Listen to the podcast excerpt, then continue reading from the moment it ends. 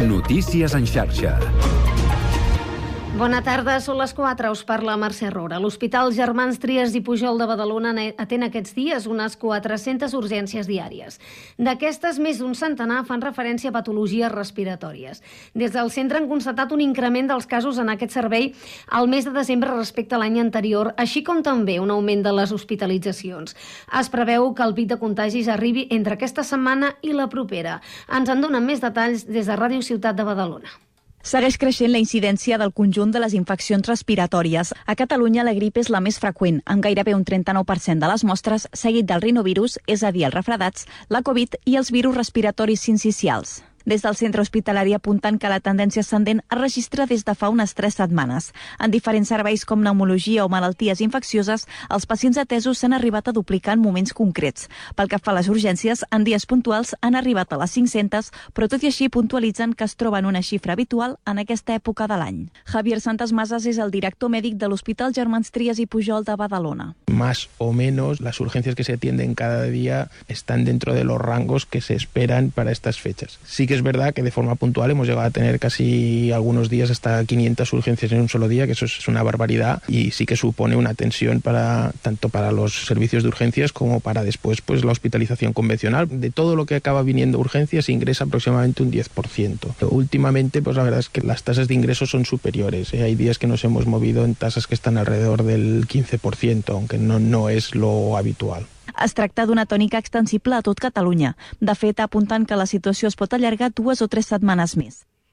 Precisament avui el Diari Oficial de la Generalitat de Catalunya ha publicat l'obligatorietat de dur mascareta als centres i als serveis sanitaris durant 15 dies eh, naturals. Alguns apunts. El 2023 va ser l'any més càlid al món des que hi ha registres, ho ha confirmat aquest dimarts el Servei de Canvi Climàtic de Copèrnicus, que atribueix l'escalfament global principalment als gasos de l'efecte hivernacle. La temperatura mitjana global de l'any passat va ser de 14 amb 98 graus centígrads, és a dir, 1,48 graus més per sobre dels nivells preindustrials de l'any 1850 al 1900. Acabem amb un apunt de cultura. L'aclamat tenor eh, Javier Camarena engega aquest dimecres al Palau de la Música la gira Sonyo Tosti Songs que el portarà a l'Auditori de Girona el proper diumenge. És tot de moment. Tornarem amb més notícies. Gràcies.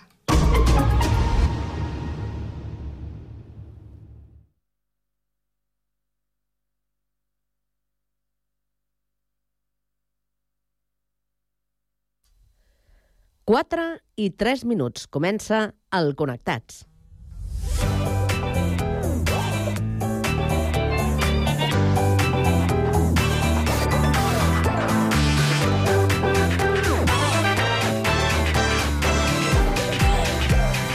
Connectats amb Carme Reversa.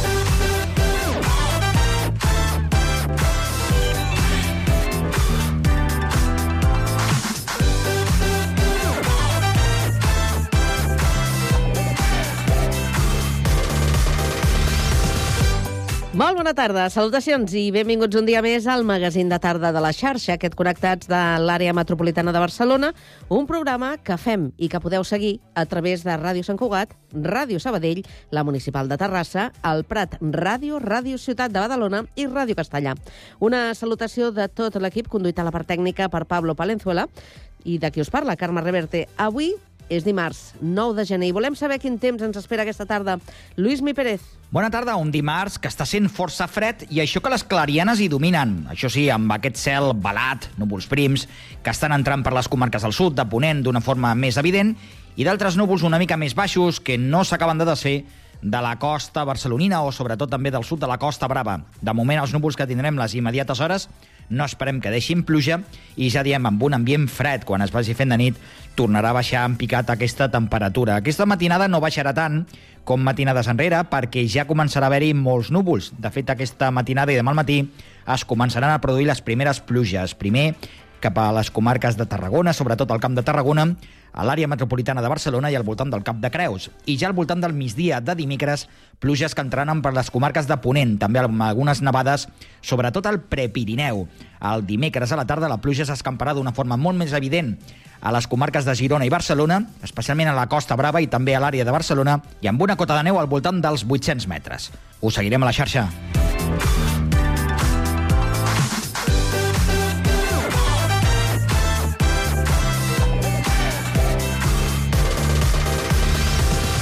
Molt bé, doncs avui al Connectats descobrirem l'aposta del municipi de Castellà del Vallès per millorar la gestió de l'aigua. En parlarem amb Carlos Serrano, membre de l'startup Chip. Acabarem aquesta primera hora amb la tertúlia generalista, avui per parlar de les noves mesures per afrontar la passa de virus i també per parlar de reciclatge, el reciclatge impossible de fer amb segons quins productes. A partir de les 5 coneixerem un dels establiments més emblemàtics del Prat, el celler Cal Pere Terrida, a través d'un dels propietaris, Jofre Terrida.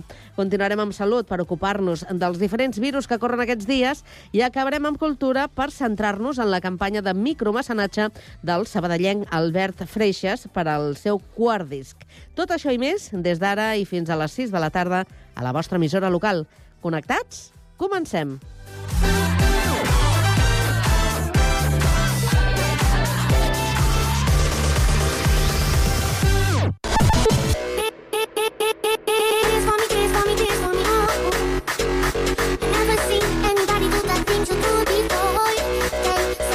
Connectats, una experiència radiofònica a Sabadell, Terrassa, Sant Cugat, El Prat, Castellà i Badalona.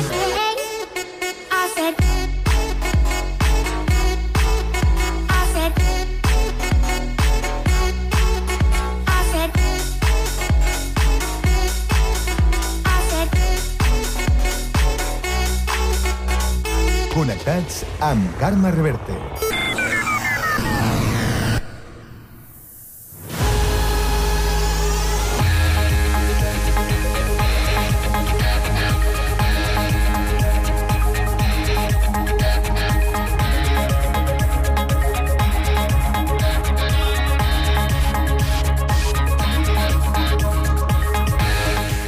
4 i 7 minuts ens actualitzem i ho fem amb la ronda informativa que obrim un dia més per Terrassa. Sergi Estapé, bona tarda. Bona tarda. La Policia Municipal de Terrassa va fer l'any passat gairebé 700 intervencions per consumició de begudes alcohòliques a la via pública i alterar la convivència ciutadana, tres vegades més que l'any 2022.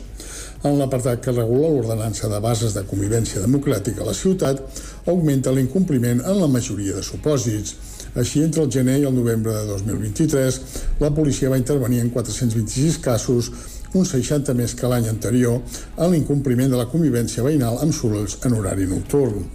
Per l'incompliment de les ordres o requeriments específics formulats per la policia, es van posar 136 denúncies, unes 70 més que 2022.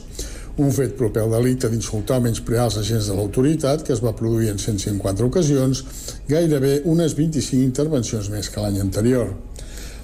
Pel que fa al trencament de les ordres d'allunyament, la policia municipal va tramitar 40 casos enfront dels 28 que va detectar l'any anterior.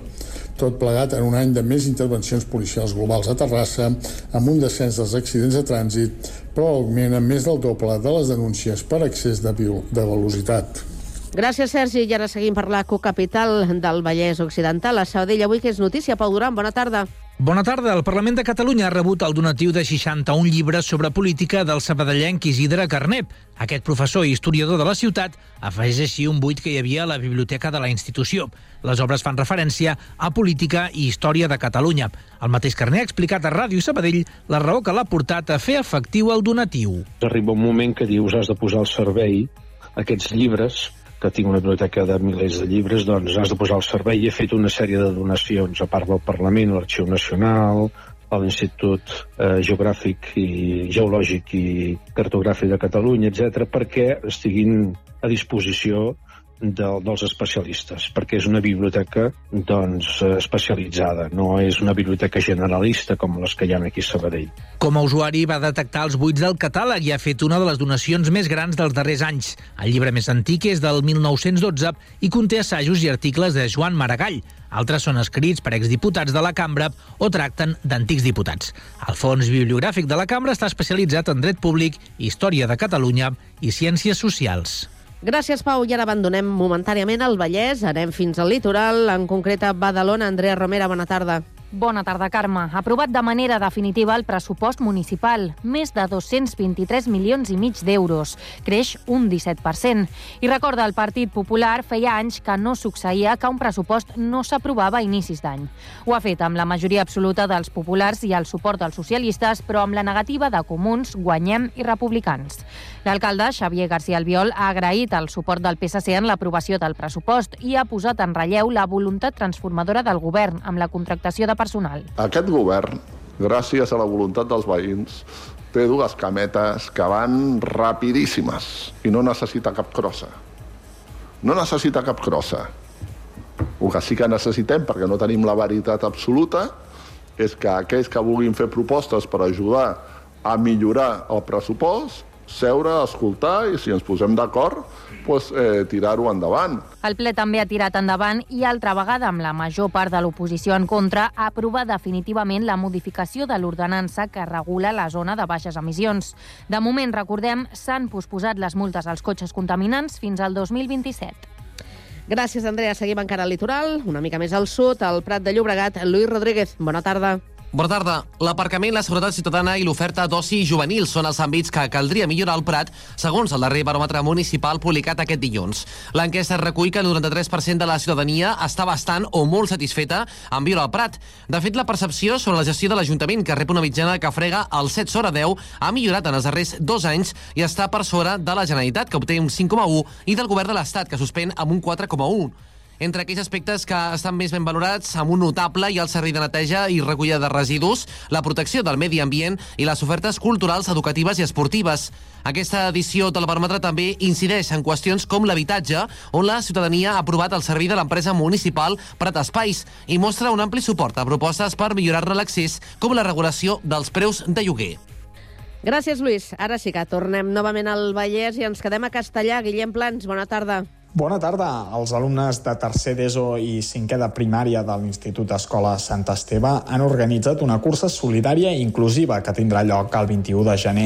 Tots els beneficis aniran destinats a Suport Castellà, una entitat de la vila que busca ajudar a les persones amb malalties mentals i les seves famílies de manera totalment altruista. Es tractarà d'una cursa pensada perquè pugui participar tothom, independentment de les condicions físiques o mentals, amb recorreguts que van des dels 5 50 metres fins als 6 quilòmetres. Gràcies, Guillem. I des de Sant Cugat us expliquem que Grífols es desploma la borsa per un informe que l'acusa de manipular els comptes. L'empresa amb seu a Sant Cugat defensa la seva integritat i conducta ètica i acusa Gotham de difondre informacions falses i especulacions. Ens amplia aquesta notícia Marc Castró. El fons baixista assegura que el nou CEO de Grifols, Thomas Glansman, no suposa un canvi de direcció a la companyia, on assegura que està des del 2006 i afirma que ja era el Consell d'Administració quan les transaccions sospitoses descrites a l'informe van passar. Segons Gotham, la multinacional de moderivats utilitza societats com GRF i Scranton, vinculada a la família Grifols, per manipular el seu deute. La resposta de Grifols no ha trigat a arribar i després de fer-se públiques aquestes informacions, assegura que tot plegat són especulacions. Afegeix que com a empresa compromesa amb la transparència, integritat i conducta ètica, neguen i rebutgen categòricament qualsevol acusació de pràctiques comptables o d'informació errònies dels seus estats financers consolidats. La companyia destaca els controls robustos i les auditories periòdiques i rigoroses a la seva informació financera.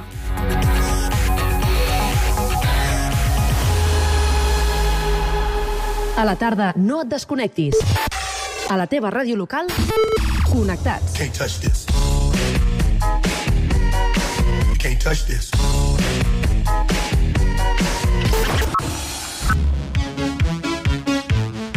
Can't touch this. Can't touch this. Connectats amb Carme Rebell.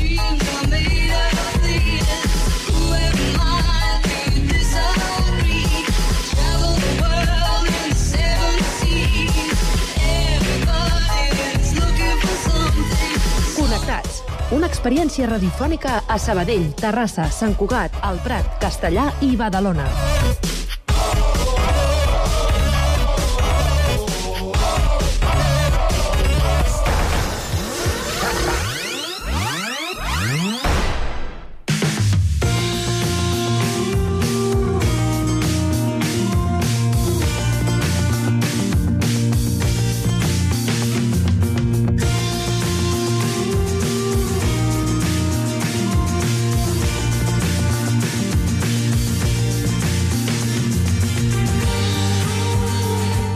Avui tornem a abordar un tema de plena actualitat, perquè en plena sequera els municipis tenen el deure de gestionar el millor possible l'aigua.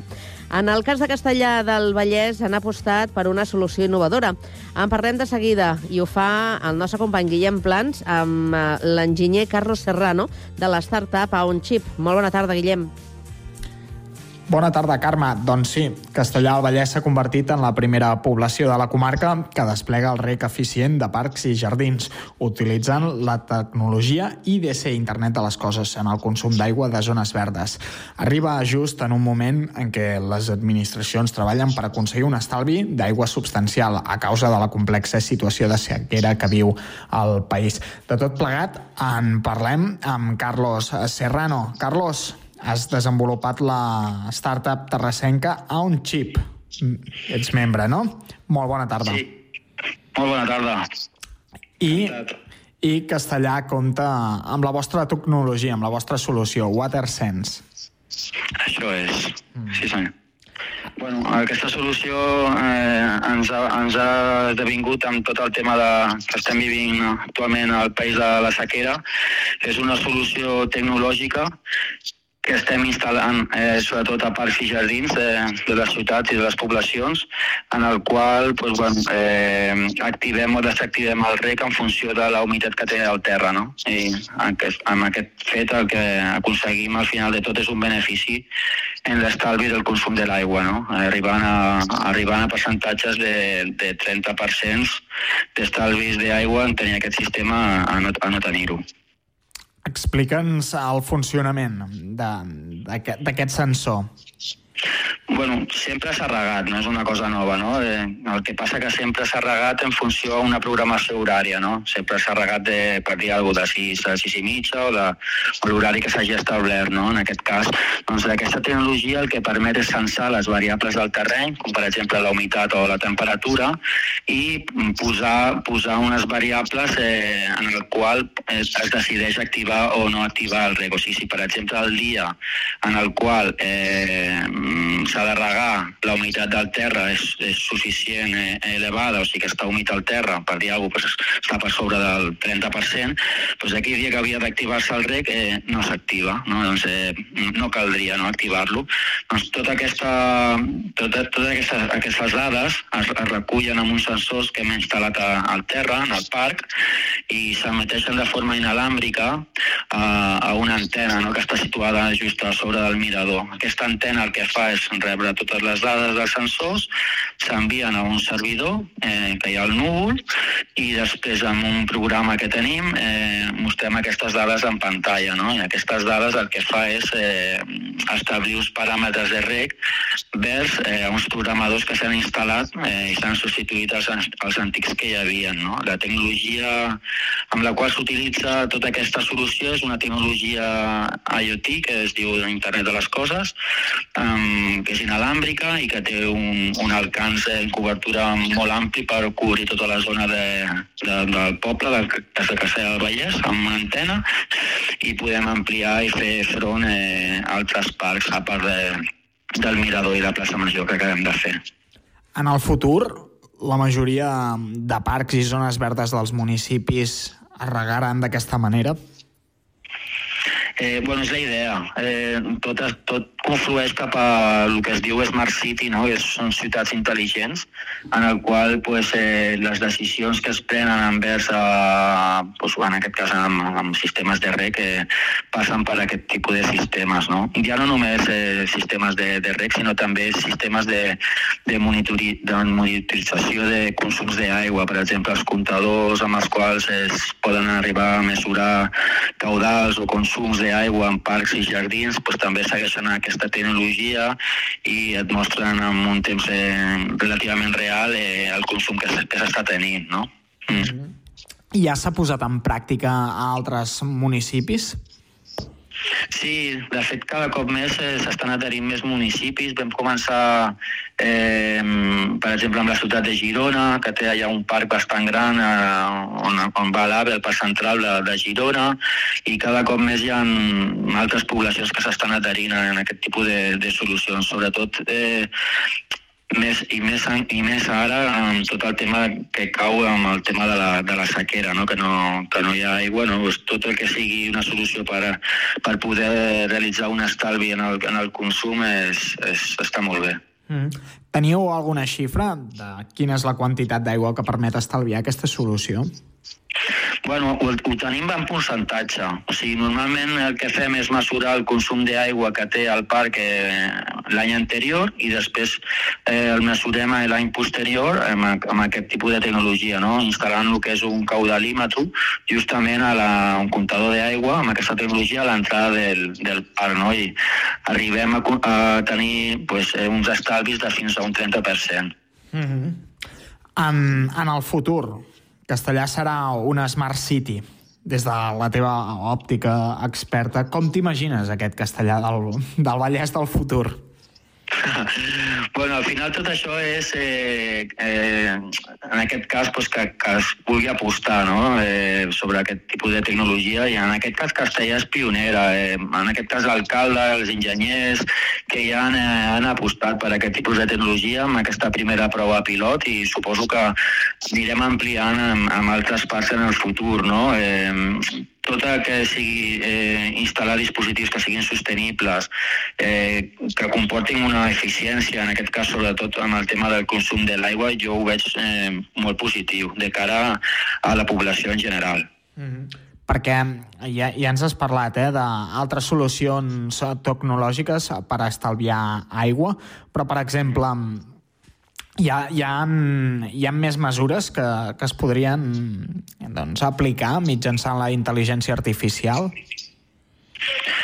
Sí, bueno, al final eh, ha, o sigui, nosaltres la nostra empresa en xip està dedicada només a l'eficiència del consum d'aigua, no? però hi ha altres empreses que utilitzen la mateixa tecnologia que utilitzen i altres tipus de solucions, com per exemple, pues, no sé, eh, pàrquings intel·ligents, on t'indica pues, eh, la plaça de pàrquing que hi ha lliure perquè puguis anar a aparcar directament i no tinguis que donar voltes per, per la població, o tema de lluminària... O sigui, hi ha moltes solucions envers aquest tipus de tecnologia, no? En aquest cas, doncs, bueno, al final és eh, apostar no? per, per, per ser més sostenibles i més eficients en tots els àmbits.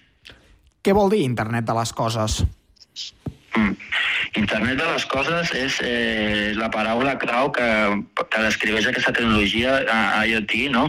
en el qual és un tipus de tecnologia que eh, va capturant les dades de sensors i les van, les van enviant a internet, a un servidor, no? Doncs aquí, en aquest servidor, el que fem és analitzar aquestes dades per Big Data i, extra, i extrapolem o, o traiem eh, conclusions, no?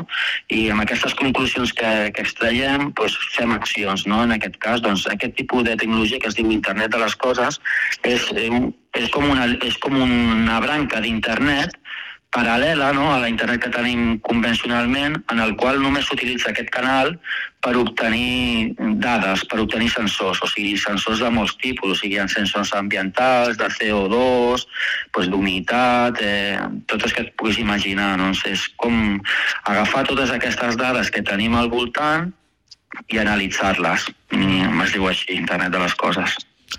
L'empresa Arjob va néixer a partir de quatre joves, no? Entre ells ets, ets, sí. n'ets un i és relativament jove, l'empresa, també. Sí, fa cinc anys. De fet, tot el tema de la tecnologia cada cop avança més ràpid i bueno, doncs van sortint startups que dominen tecnologia i que fan front eh, doncs a la tecnologia que va sortint emergent en aquest cas. No? Ara, ara la tecnologia diguem que està mm, en auge, no? en aquest cas és aquest tipus de tecnologia, tecnologia que es diu eh, LoRaWAN, tecnologia narrowband, són uns tipus de tecnologia pues, que serveixen per connectar tots aquests dispositius d'una manera o una altra, utilitzant les xarxes de, de telecomunicacions noves. En el vostre cas veu decidir apostar per solucions ambientals. Suposo que ja anàveu intuint que, que el futur va per aquí. Bueno, mm, vam començar amb el sector de l'agricultura. O sigui, vam començar fent el mateix que hem fet amb l'Ajuntament de Castellà, però cobrint hectàrees molt grans de terreny en el sector de l'agricultura de, extensiva, sobretot en, en Llatinoamèrica. O sigui, aquesta tecnologia mm, va sortir fora i després ha tornat a casa, no? per dir-ho d'alguna manera, doncs, eh, de la mateixa manera que fem front a un camp de, pues no sé, d'Itau, de, de 100 hectàrees on reguem eh, el banano, pues, eh, l'hem extrapolat i ara el que fem és eh, aplicar-la a altres sectors, no? com pot ser pues, els parcs i jardins dels, dels municipis. Això són parcs i jardins públics. En el futur, els particulars també utilitzaran tecnologia com aquesta? Pot ser, sí, segurament que sí. Ja eh, treballeu amb algun marge de temps o no per, per començar a expandir aquesta idea entre particulars? Bueno, de moment estem centrats en el tema de municipis, no? que, que n'hi ha bastants. Eh, suposo que el següent pas eh, serà arribar al, al particular en aquest cas, no? però de moment el que fem és són parcs eh, i hectàrees grans, no, no, perquè aquest tipus de tecnologia l'ava- l'avantatge que té és eh, la cobertura que ofereix, no? o sigui, ofereix una cobertura pues, eh, mil cops més grans que una wifi. No? En cases particulars on les persones utilitzen altre tipus de tecnologia de comunicació, com, pot- com pot ser una wifi, eh, aquest tipus de tecnologia potser no encaixa, no? Són jardins més petits i potser amb, el, amb la pròpia wifi que tenen ja hi ha dispositius que permeten el reg a partir del wifi, no? Mm -hmm. Carlos, el, algun element més que ens vulguis comunicar sobre aquesta solució, WaterSense? Bueno, al final penso que tot aquest tipus de solucions el que fan és millorar, eh, en aquest cas, la qualitat de vida de, de, dels vilatans que, que vivim, en aquest cas pues, a Castellà, no? perquè podem disposar de, de, de, un, bueno, de, de l'aigua, que, no, que al final és, és un bé escàs, el podem utilitzar per al consum humà, no? I estalviant en altres casos eh, pues, eh, que l'aigua que estem utilitzant també és, també és potable, pues, es pot reduir d'alguna manera per fer front i utilitzar-la per a altres usos, no? i més amb l'època en la que estem vivint, que no plou ni volent, no? pues, eh, benvingut sigui, no? en aquest cas. Eh? Totes les solucions que siguin eh, comportar una eficiència en el consum, en aquest cas en l'aigua, no? que és que, a més, mai hem parlat d'això, sempre ens hem encaficat amb, amb solucions d'eficiència en el consum elèctric. No? Jo penso que el futur està en, també en l'eficiència en el consum d'aigua. Doncs totes aquests tipus de solucions pues, al final ens, ens comportarà una millor qualitat de vida a tots plegats. Perquè ara no es poden regar ni parcs ni jardins, però sí plantes i arbres, no? Sí, el que no es pot regar és, eh, parlant clar, és la, eh, la gespa, no? en aquest cas, però sí que es pot regar, de fet, l'ar- l'arbustiva, no? L'arbustiva, que són arbres, no? De fet, si, és que, si no es reguessin, eh, acabarien morint, no? En aquest cas, doncs, sí, sí que rega això, el que no rega són, eh, doncs, bueno, la gespa, no? I ja veuràs que estan tots els camps que hi havia gespa secs. Mm.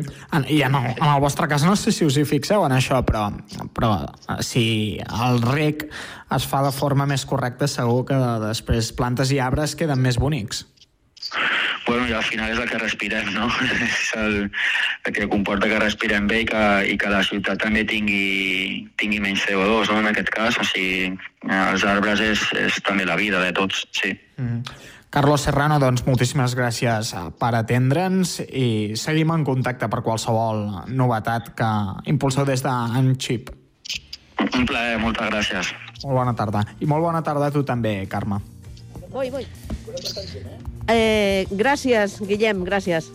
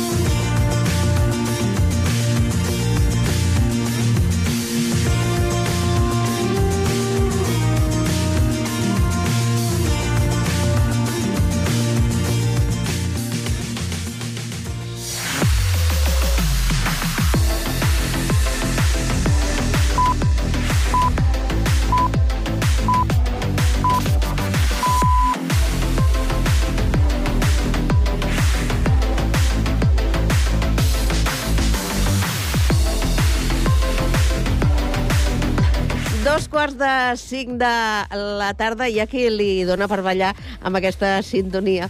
Uh, et saludaré perquè si no es pensaran que estic parlant sola. Eh, Jordi Casas, historiador, què tal? Bona tarda. Bona tarda, bon any. Normalment sempre introdueixo els que tinc al costat els últims, però és que m'ho has posat... Uh, eh? A huevo, que diuen. Sí, tu l'has centrat i jo he rematat. Eh, a banda del Jordi Casas, en aquest espai de tertúlia de dimarts, avui contem amb la participació del Francesc Ribot, que és regidor d'Esquerra Republicana, i el tenim a Badalona. Francesc, bona tarda. Bona tarda, bona i, ta i freda tarda. Bona, i fre... Sí, avui es nota, eh? Avui es nota, es nota bastant. A veure, Jordi, mira, estic ajudant el Jordi perquè s'està situant, està aterrant. Això de fer vacances eh, fa que mm, algunes rutines es perdin una mica de, de vista. Ara ja, estàs, Jordi? Més o estàs? menys. Estàs, val. Uh, escoltes bé el Francesc? L'has sentit? Sí, a tu Sí. també. Ah, molt bé, Sí, sento, perfecte. sento, és que em sento molt alt, jo. Doncs baixa't el volum. Sí, però no es pot baixar més, és no? fàcil, no. Bueno, no, no, no, no, ja bueno, està. és igual, ja anem, anem, ja anem, vamos al grano. I eh, anem a saludar a l'Ester Amiel, que és artista i activista, i la tenim, com sempre, a Sabadell. Esther, bona tarda i bon any. Hola, bona tarda, bon any. A tots també bon any, eh? perquè de fet són els primers dies que ens eh, retrobem després de, de les vacances, després de, de festes, i mm, avui mm, recuperem un tema que, que ens fa pensar doncs, en, en èpoques passades, no gaire, eh? perquè tampoc no ha passat tant de temps, però tornem amb el tema de les eh, mascaretes, tornem amb el tema dels virus. Per cert, parlant de festes, perquè tot això ha agafat embranzida durant tot, tots aquests eh, dies, i això que no hem arribat encara al, al pic. Eh, algú dels presents eh, ja ha passat algun dels virus o està en ple cicle víric? Francesc? Res, un, un petit refredat, però refredat dels, de tota la vida. No? no, afortunadament estic vacunat de totes les, les vacunes i revacunes de la Covid i em vaig vacunar també de la grip quan tocava i, per tant, en principi, espero no tindre que agafar-ne cap de- cap d'aquests virus que corren avui en dia.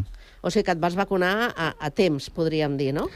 Com, sí, sí, falta, faltaria. O sigui, a veure, jo crec que, que ara, a tots, tots ens fa mandra anar Mm. al metge, a tots ens fa mandra que ens vacunin, estem cansats de, de rebre vacunes, però de la mateixa manera que quan agafes el cotxe i te'n vas a passar el cap de setmana, has de passar una cua i t'emprenyes per la cua, però no deixes d'agafar el cotxe per sortir el cap de setmana, doncs amb les vacunes eh, és la teva salut el que està en risc. Eh? La teva salut i la salut dels que estan al costat. Clar. Eh? Jo tinc, jo tinc, malauradament, tinc la meva dona que està fent un tractament de quimioteràpia i, per tant, encara hem de ser molt més exi- exigents amb Més aquestes curosos, coses. sí, sí. Està clar. Esther, en el teu cas? En el meu cas, jo sí que he estat envoltada de bastanta gent que ha tingut processos vírics, tant gastrointestinals com polítics aquests, amb més de pneumònies i coses així, Mm. i jo no estic vacunada de res. I de moment m'estic salvant. I continues uh, sense agafar res. No? De moment no, de moment no, però bueno, estic exposada igual que tothom, tant els vacunats com els no vacunats. Uh -huh. Tothom ho està agafant. I en el cas del Jordi? Jo eh, conec gent, eh, que molt propera que ha tingut el Covid. Jo del, del grip no em vacuno mai perquè l'únic any que em vaig eh, vacunar la vaig agafar. I vaig dir mai més. Eh? L'únic que he tingut eh, aquestes vacances és una, pas, una, passa, una passa de cardollitis. Cardollitis? Sí, l'he passat molt forta, sí. Però perquè t'hi has posat fins a posat- dalt de tot. M'he posat en sèrio, sí. T'has posat... Mare meva. Bé, però... Jo, digues, sí, digues. perdona, no, que jo el que sí he notat és, suposo, una de les raons per les quals jo puc no haver agafat és perquè en el meu voltant, tot i que hi ha hagut molta gent en processos vírics, sí que ja trobo molta més consciència de la que hi havia abans i on separem més, o van amb mascareta, o intentem no trobar-nos quan estem en ple pic víric. Llavors, mm, vull dir que socialment sí que ha servit d'alguna cosa, malauradament, tot el procés de, que vam passar del Covid. Mm, sí que és... Perquè ens ha servit com per no contagiar-nos més fàcilment, com, fe- tal com ho fèiem abans.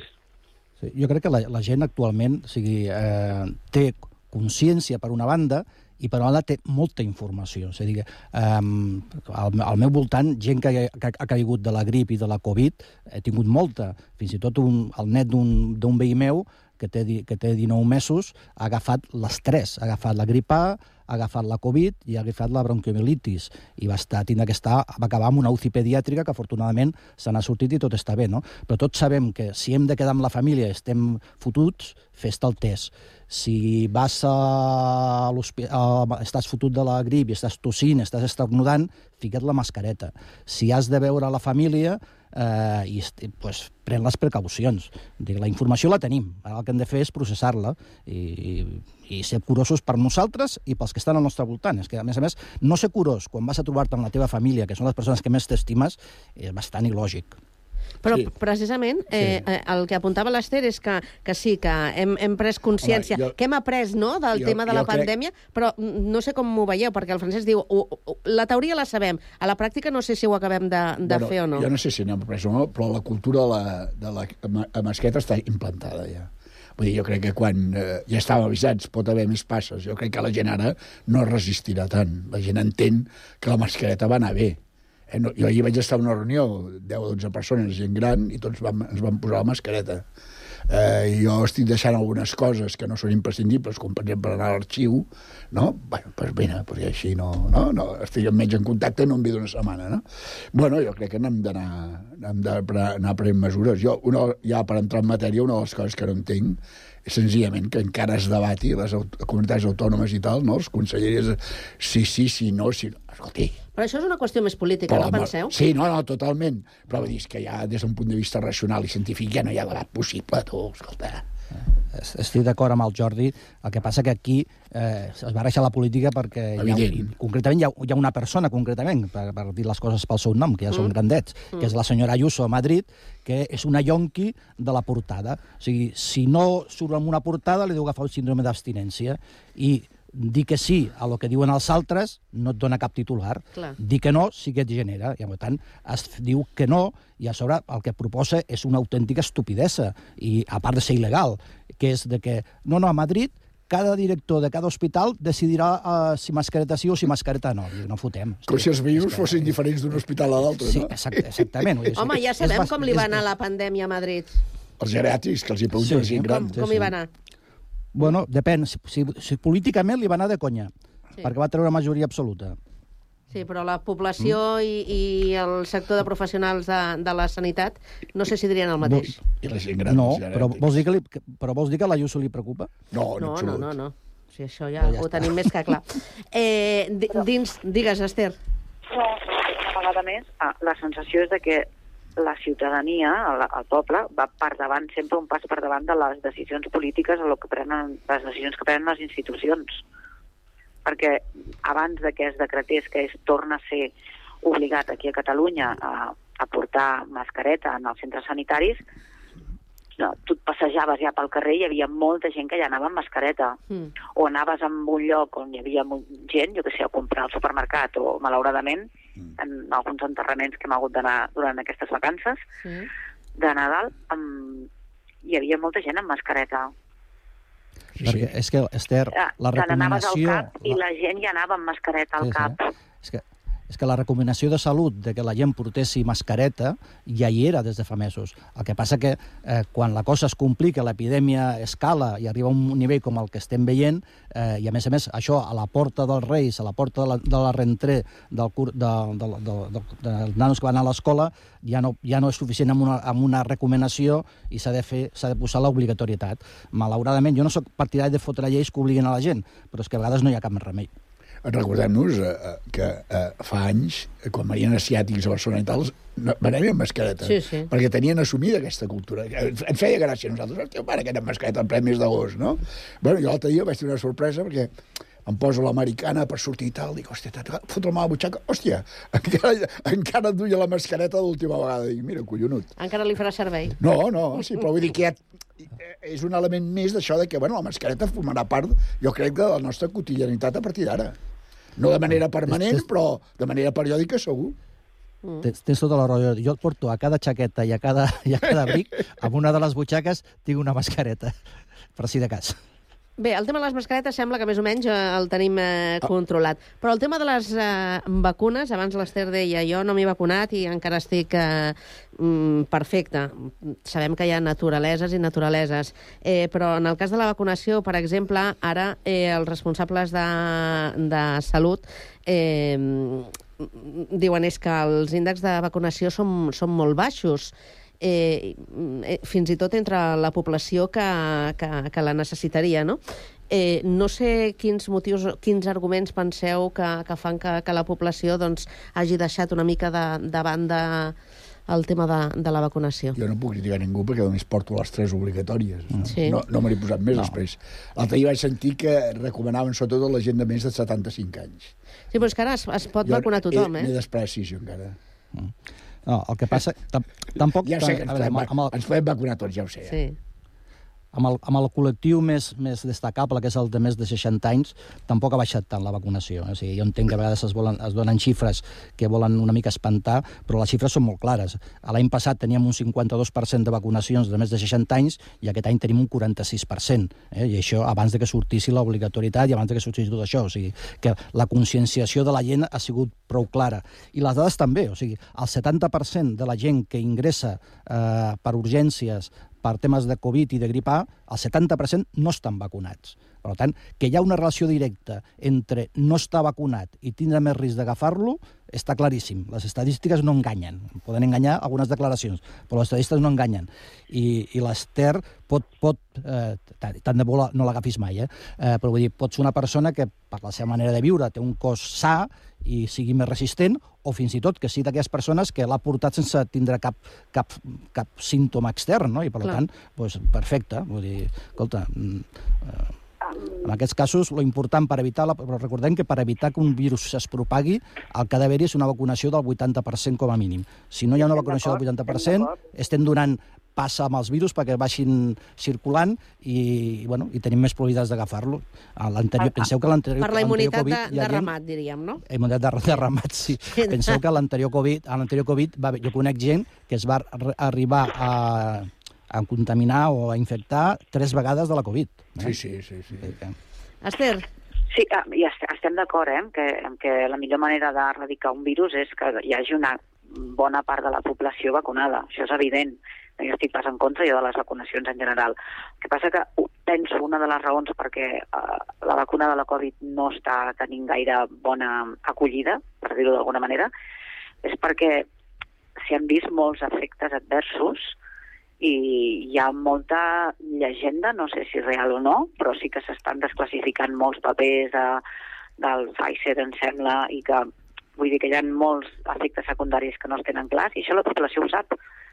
Vull dir, es, es va sabent, hi ha un rum-rum de... genera molta desconfiança per la rapidesa en què es va crear aquesta vacuna, i genera molta desconfiança. I per altra banda, el que jo he anat escoltant en tertúlies de gent experta, on era el, ara no recordo el nom, però el, el que s'encarrega de les epidèmies um, víriques um, del taulí, pot ser? Ara no sí, el recordo com es diu. Cervantes.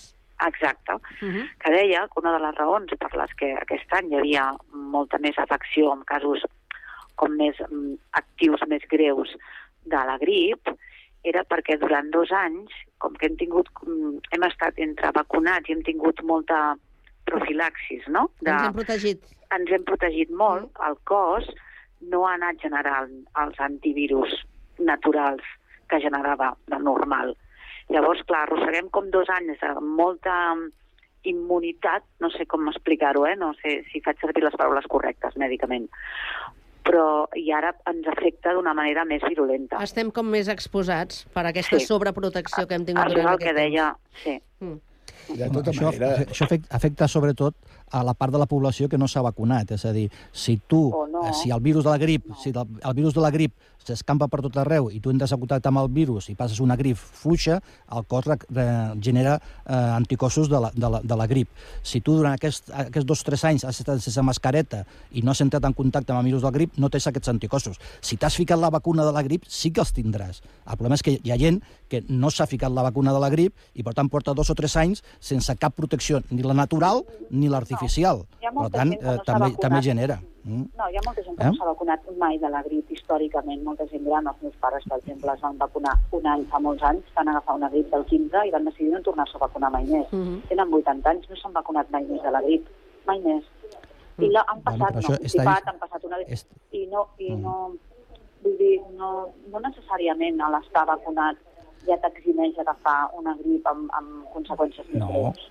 No, no, amb això, no, no, amb conseqüències més greus sí que t'eximeix. Igual que la Covid. No està, vacu no està vacunat de la No, grip, que la ai, no, estava, està vacunat de la Covid, no t'eximia d'agafar la Covid. T'eximia dels efectes no, adversos no, més greus no, de la, de, no, de això la no és veritat. Eh? Això no és veritat. Això sí. no és veritat. No, no, no. Sí. Radicalment això Sí. no és veritat amb la Covid. Sí. Sí, A la Covid, a, perdona. més a més, sí, no. sí. Com que no perdona. sortirem d'aquesta doble- Amb la Covid, amb la Covid, això No, no. És consens científic a tot arreu. No, Eh? no, no, ni molt menys. De- a més de- a més, hi ha, hi, ha moltes, hi ha moltes persones que per causes externes no es podien vacunar i van dir que sí que es podien vacunar, que eren de risc si es vacunaven, i no se sabia en aquell moment, no van dir no passa res, i han tingut problemes molt greus gràcies a la vacunació. Vull dir que jo no posaria, no equipararia la vacuna de la Covid amb la de la grip. És un error, perquè la vacuna de la grip ha tingut estic- un procés de la Covid, eh? d'estudi i de laboratori mm, molt llarg en els anys. I la Covid no. Vull dir, no, no, no podem equiparar ni els efectes adversos ni, ni el bo de la vacuna. Va ser un procés bastant eh, express, però No. també hem de dir que s'hi van posar No. eh, més més Mai- professionals i i més eh, però- persones a, a, a treballar en aquest Mai a però és a igual, la- però el a que, la el que compta amb una vacuna és el temps de uh, quin procés té després de X anys aquella dosi en un ser viu. Llavors, això és igual, encara que s'hi posin 100 a treballar sobre allò, ha de passar un temps determinat. Mm, Amb, és amb, això així, estic, amb, amb, això, amb això puc estar d'acord amb l'Ester de que eh, totes les vacunes, igual que totes les malalties, els efectes secundaris de gent que ha agafat una malaltia Està a vegades clar. no es detecten fins anys després. Mhm. Dic, això està claríssim. Ara bé, mai en tota la història de la humanitat s'ha dedicat més diners, més, més, més personal, més personal d'investigació Oh, ja no amb, una amb una, buscar una vacuna com aquesta, perquè ens anava la supervivència de tots.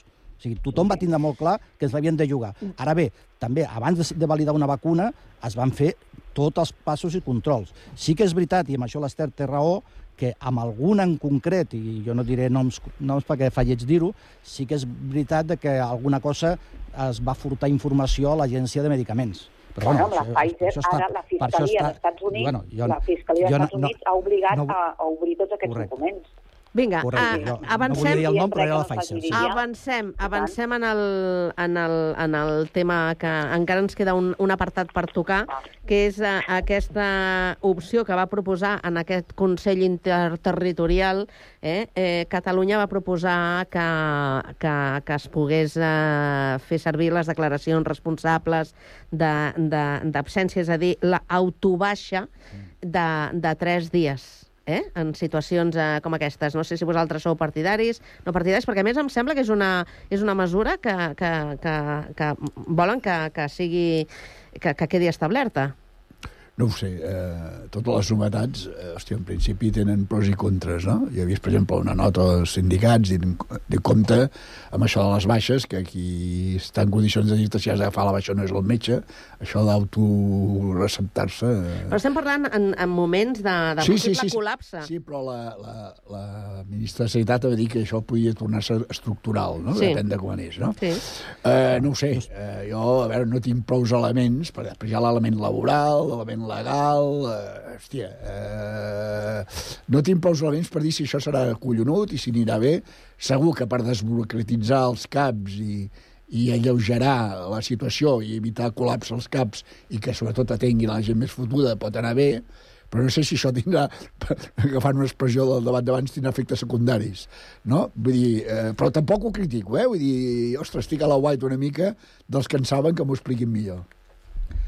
Bueno, a veure, jo, jo penso que, a veure, mm, el- jo l'únic pro és de que estem amb el, amb el país amb l'estat de la picaresca. Eh?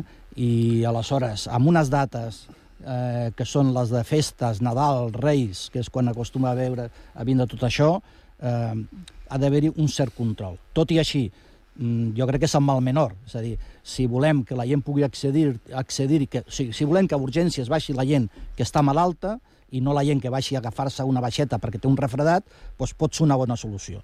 Una bona solució que hauria de ser acotada amb el temps, des de que es declara la pandèmia fins que passa el pic, eh? i només amb aquests temps, eh, vale. Eh? perquè de la mateixa manera que hem acceptat i tots hem, hem, trobem ja lògic de que hi hagi la recepta dels crònics i que no tinguis que anar al metge perquè et faci la recepta o que quan, o el sistema de la meva salut, que jo puc enviar un correu a la meva, a la meva metgessa de capçalera explicant-li què és el que tinc i així estalvio tindre que anar al centre i ocupar una plaça, doncs, bueno, aquest pot ser un bon sistema per alleugerir les cues, per alleugerir la, el col·lapse entre cometes i, mm, això, i, i confiar en que la gent faci un ús responsable, com de tota la vida, un ús Mm. responsable d'aquesta opció. Sí, sí. Esther. A mi em sembla prou bé, també. Sempre Estem parlant d'una afecció lleu de dos o tres dies i una mica de confiança en nosaltres mateixos, no? Això de la... És veritat, eh? De dir, estem al país de la picaresca, però ja és hora potser de que ens traiem aquesta, aquest karma que l'anem sentint cada dos per tres i que siguem una mica una societat més madura. A a Europa ho fan, això. No, no, però a Europa també, hi ha i una hagut, també han tingut efectes secundaris, alguns. Ja, De no, fet, això ho desconec. Però estem, confiança entre nosaltres i de dir, escolta'm, em trobo malament, si vinc encara és pitjor perquè et puc encomanar a tu i em quedo a casa estossegant jo a casa i quan estigui millor ja vinc, em sembla que donaria símptomes de ser un país una mica més evolucionat. De fet, si se fes un abús, si es pogués demostrar objectivament que hi ha un abús, s'acabaria la possibilitat de seguir-ho aplicant. De seguir aplicant. Jo us donaré un una exemple. persona cada setmana s'agafa dos dies, llavors... A la meva empresa, a la meva, no, a la meva empresa vam negociar per conveni cobrar el 100% des del primer dia. Eh? Pagava Sí. l'empresa, no? Sempre que eh, els índexs de septisme es mantinguessin a uns nivells determinats. Es van, es, va, es, va, es van disparar. Els índexs de absentisme es van, es van disparar perquè la gent cobrava el 100% des del primer dia i, per tant, escolta, patapam, no? I, i després, bueno, ens va costar molt mantenir aquesta mesura. I llavors, s'ha de veure... sigui, soroll. L'administració pública és el 100% des del primer dia i, i realment t'agafes la baixa quan et trobes malament. Sí, Almenys sí. la gent que jo tinc al meu voltant. Sí, sí.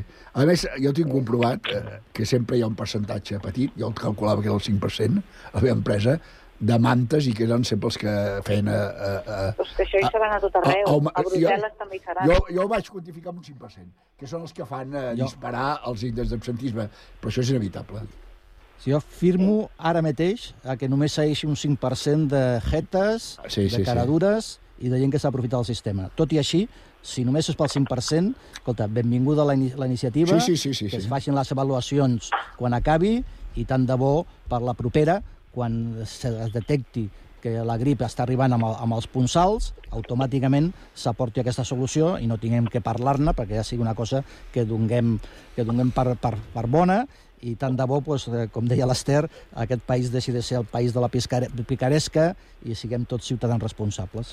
Amb el ben entès, eh, hi ha consens aquí que això pot anar bé, amb el ben entès que això no ha de treure una altra cosa. No ha de ser excusa per seguir invertint més calés a la sanitat pública perquè, funcio. Mai. perquè funcioni millor. Mai. Perquè, clar, eh, Mai, mai, mai ha de ser una excusa, si els això. CAPs fossin més potents i hi haguessin més metges i tal, potser aquesta disjuntiva no es plantejaria, no? Una cosa no ha d'anar en detriment de l'altra. Totalment. Bueno, els, cap, el, els metges el que, el que diuen des de fa molt de temps és que hi han tota una sèrie de tasques que ells, que ells consideren que no, no van amb la seva feina, Burocràtiques. que són tasques burocràtiques, Mhm. i que, per tant, ells prefereixen dedicar el seu temps, que és el més valuós, doncs, a visitar, a recetar i, i, i a, cuidar, a cuidar de la gent. No? Per tant, que tot el que sigui simplificar la burocràcia sempre serà benvingut. Eh? Bé, ens queden res, pocs minutets, i l'altre tema també és un tema de... per agafar-se fort. Jo no sé com heu portat el tema del reciclatge aquests dies en què genera una quantitat i un volum de residus eh, extraordinari en aquestes festes de, Mira. de Nadal. Acabo d'anar contenidor per contenidor. Jo reciclo igualment, ja. Tu recicles igualment, però amb més quantitat, m'imagino, aquests dies la, o no? La quantitat que sigui, m'és igual, tu. Per això hi ha les bosses i aquestes coses, no? I els, els contenidors del meu correu hi cap tot. Vull dir que... Sí, però eh, el que, el que, suposo que el que estem parlant és del, del, del greu, primer, de la manca de reciclatge d'una part de la societat sí. de, i, i, i, que de la, i que la indústria ens ven i ens força a agafar tota una sèrie de productes d'un sol ús que s'acumulen. Jo, jo he vist amb la meva dona, nosaltres dos sols, sí. i cada setmana hem d'anar a portar una bossa plena de plàstics. I un sol, i un dir, sol com jo també. Cada setmana. Sí, sí, eh? sí, sí. Vull dir, això vol dir que hi ha un ús inadequat de, aquest, de, de, de tot el sistema d'empaquetatge, del sistema de venda, i aquí, eh, quan les empreses, de forma voluntària, no apliquen aquest reciclatge ni faciliten aquest reciclatge, sinó tot el contrari, doncs, llavors és quan l'administració li toca doncs, ficar les normes. En teoria, hi ha uns objectius que, fixats a, tota la Unió Europea per l'any 2025 i uns altres per l'any 2030. Sí. És veritat que a l'estat espanyol, i especialment a Catalunya i a Andalusia, els índexs ja s'han arribat abans del 2025, però eh, ens ho han de posar fàcil. I, escolta, jo me'n recordo tota la vida de petitonet, i suposo que per la veu, el Jordi també es deuen recordar, quan Sí, anàvem bastant a me- comprar bastant la... més que tu, sí. Eh? Eh, que anàvem a buscar la llet i estava en un envàs de vidre. Perdona, I totes anàvem A la lleteria, anàvem a la lleteria. No, no, jo, jo anava a la lleteria, eh? Sí, No. senyora. A la lleteria, Sí, perdona, senyora. No calia anar a la lleteria. A la- I s'havia de bullir No tot. calia anar a la lleteria. La, Correcte. la RAM i la letona, que eren els que més allò, anàvem en vas de vidre. Tot anava en vas de vidre. Sí. El, a, la cervesa, els sifons, els gasosa... Però llavors existien encara els... els I eh, tot es tornava, tot es els tornava. lleters que venien a Sí, casa. sí, també, i tot Saps? es tornava, ja, ja reciclava tot. Es va inventar el plàstic i la vam cagar. Ho hem de deixar, ho hem de deixar aquí, senyors. Esther, Jordi, Francesc, que Vinga, vagi molt bé la tarda. Vinga, bona entrada. Adéu. d'any. Adéu, bona tarda. Una abraçada a tots.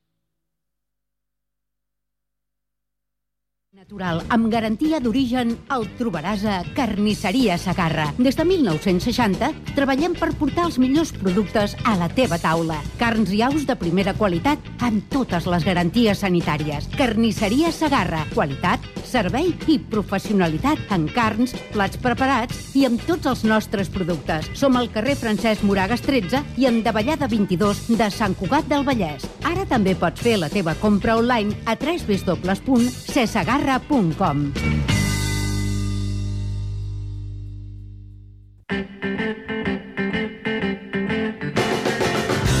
Sant Cugat, Braseria La Bolera, el restaurant braseria situat al vell mig de la ciutat. Més de 20 anys oferint la més alta qualitat en tots els seus productes, en amanides, carns, verdures, Braseria La Bolera.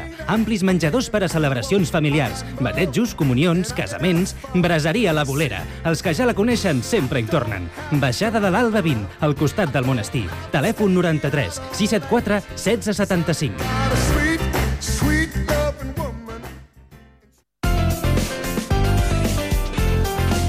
Ràdio Sant Cugat. Cugat Mèdia.